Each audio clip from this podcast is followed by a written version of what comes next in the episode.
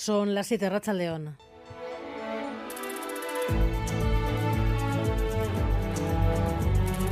Gambara con Arancha García.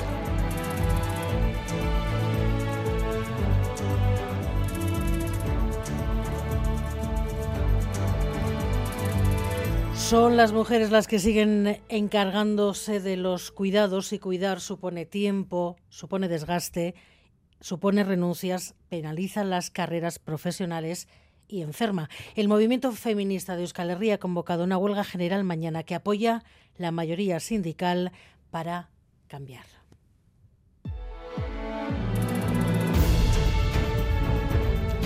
Cambiar en el ámbito privado, cambiar en el ámbito de las políticas públicas para acabar con la prevaricación.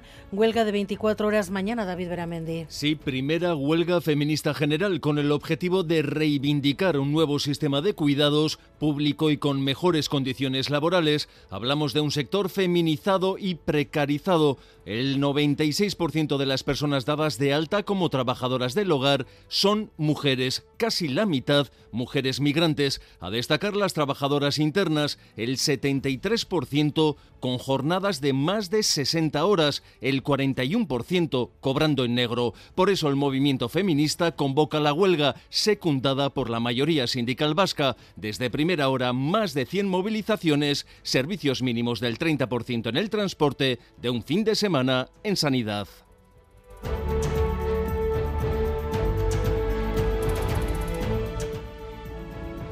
Nosotros decidimos quién es no quién no es. Es un desgaste de la marca, si lo hay, es un desgaste global. No es un momento de repartir culpas. Bueno, hemos escuchado y ahora lo que nos toca es responder a las expectativas de esa gente que nos ha mandado un mensaje. Hicimos un retrato robot de lo que necesitábamos, ¿no? experiencia contrastada, que tenga, sea plurilingüe. Andoni Ortuzar, hoy en Radio Euskadi le han escuchado el PNV no ha prescindido de Íñigo Orcullo, está haciendo una apuesta para el futuro. Sobre las fechas de las elecciones, el presidente de Euskadi Burubatzar deja la decisión en el Lendakari y la legislatura avanza con tono de precampaña. En la Comisión de Educación, primer ensayo esta tarde del desmarque definitivo de EH Bildu entre reproches socialistas. Es un matiz esa enmienda. Es esencial, nos lo van a explicar. En la ponencia no hemos tenido respuesta. ¿Se nos va a explicar? ¿Podéis dar una misma versión de vuestras enmiendas, la misma. Cuando uno negocia con la intención de llegar a acuerdos y acercar posturas, no llama a la prensa.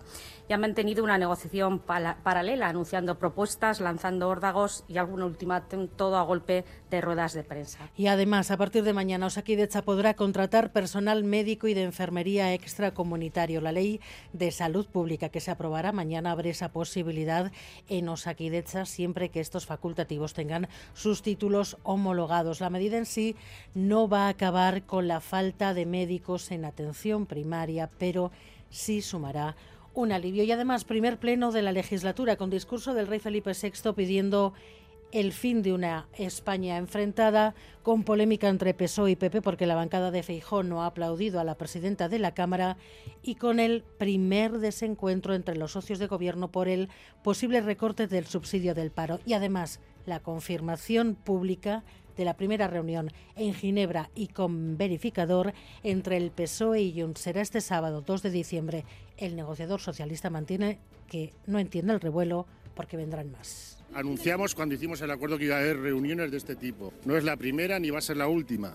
Por lo tanto, no hay que darle más importancia a una reunión de trabajo. Y el día ha comenzado con bastantes problemas en carreteras, con un accidente múltiple en la P8 en Orio que ha llevado horas de retenciones a miles de automovilistas. ¿Cómo están las cosas hasta ahora, Eder Menchaca, Rachaldeón? A Rachaldeón sí, pues tenemos tres puntos de atención en nuestras carreteras. En la avanzada, la Vizcaya 637, a la salida de Erandio en sentido Guecho, el tráfico es lento debido a la densidad de tráfico. Se están produciendo retenciones, según nos informa el Departamento de Seguridad. También en la A8 en Bilbao, a la altura de Zabalburu, una furgoneta averiada ocupa el carril central en esa vía de cuatro carriles.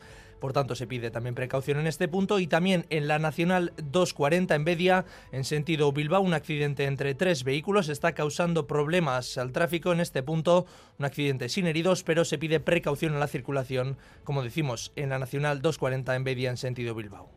Y si es de los que tiene un patinete eléctrico, atención, ayer les contamos que desde el mes que viene no se podrá meter el patinete en los trenes de Renfe. Siguen a los límites porque en Gasteiz hay una nueva normativa que entrará en vigor en primavera. Será obligatorio llevar casco y tener más de 15 años. Las multas pueden llegar a los 500 euros. Y el cielo de Pamplona lleno de farolillos a esta hora. Iruña celebra así San Saturnino y Anarangoa. 4.000 farolillos iluminan el cielo de Pamplona. Están siendo lanzados desde la explanada de la Vuelta del Castillo, unos farolillos que ha repartido el ayuntamiento esta tarde y que se han agotado en menos de media hora. A mí la verdad es que me ha hecho muchísima ilusión, porque todo lo que es farolillos, luces y tal, a mí me parece súper bonito de ver. Novedoso, es la primera vez que en Pamplona se hace un acto de esas características, entonces a ver, curiosidad. Y a sacar fotos sobre todo porque va a ser súper bonito. Que haga así Pamplona una cosa así, mola, mola mucho. Además, desde las 6 de la tarde ya está encendida la iluminación navideña de la ciudad, acto de encendido que ha tenido lugar en la plaza del ayuntamiento con la actuación a capela del grupo Demo de Quartet desde el balcón central. Ambiente prenavideño que pone punto y final a la festividad de San Saturnino. En Bilbao, el encendido de las luces de Navidad será dentro de una hora, a las 8 y a las 9. La Real sigue su paso por Champions. Edu García, Rachaldeón. ¿Qué tal, Rachaldeón? Así es, eh, recibiendo al Salzburgo en la quinta jornada de la fase de grupos. Va a ser el último partido por este año 23 eh, que la Real juega en casa en la Liga de Campeones. El siguiente será ya en octavos de final, pero en, mil, en el 2024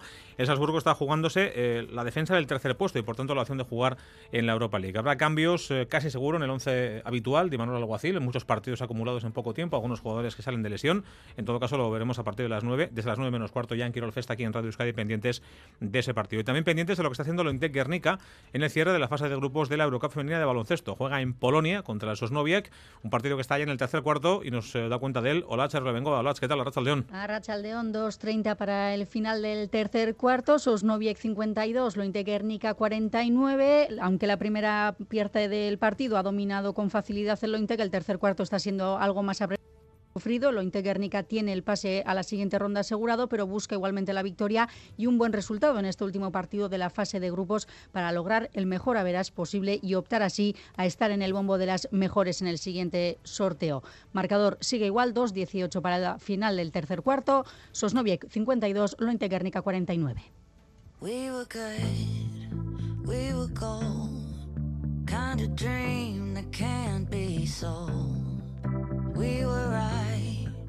till we weren't. Built a home and watched it burn. Mm, I didn't want to leave you. I didn't want to lie. Started to cry, but then remembered I. I can buy myself flowers. Es la canción más oída en Spotify este año, Flowers, de Miley Cyrus. Pero, ¿qué secretos inconfesables? llevamos en nuestros playlists. Gary Suárez. Spotify ha publicado el Wrapped de este año, un repaso personalizado de lo que escuchan sus usuarios. En la calle nos hemos topado una amplia gama de géneros. Español, urbano latino, rap español, pop español, urbano latino, música vasca, pop latino, indie, rock vasco y algo de punk español también. Pero tras esta aparente normalidad encontramos historias de todo tipo, como el chaval obligado a escuchar Melendi. A mí no me gusta mucho especialmente, pero bueno, lo escuché por obligación. Había gente, una persona, que me influenciaba en ese sentido para escuchar a Melendi, intentaba convencerme de que me podía llegar a gustar y para nada. Mientras tanto, su amigo tiene a Melendi como artista más escuchado. Como he ido al concierto y eso, pues me he escuchado mucho para hacer unas canciones y así, pero playlist de Melendi y para adelante, ahí todos los días. También nos hemos topado a la mayor fan de Rihanna. Rap en inglés y en español. Y luego Rihanna.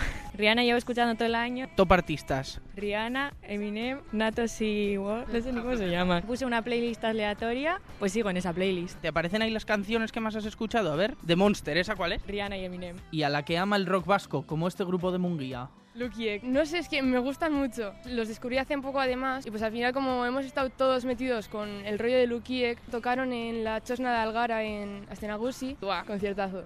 Por cierto, por si tienen curiosidad, la canción más escuchada del año ha sido Flowers de Miley Cyrus y la artista más escuchada, Taylor Swift.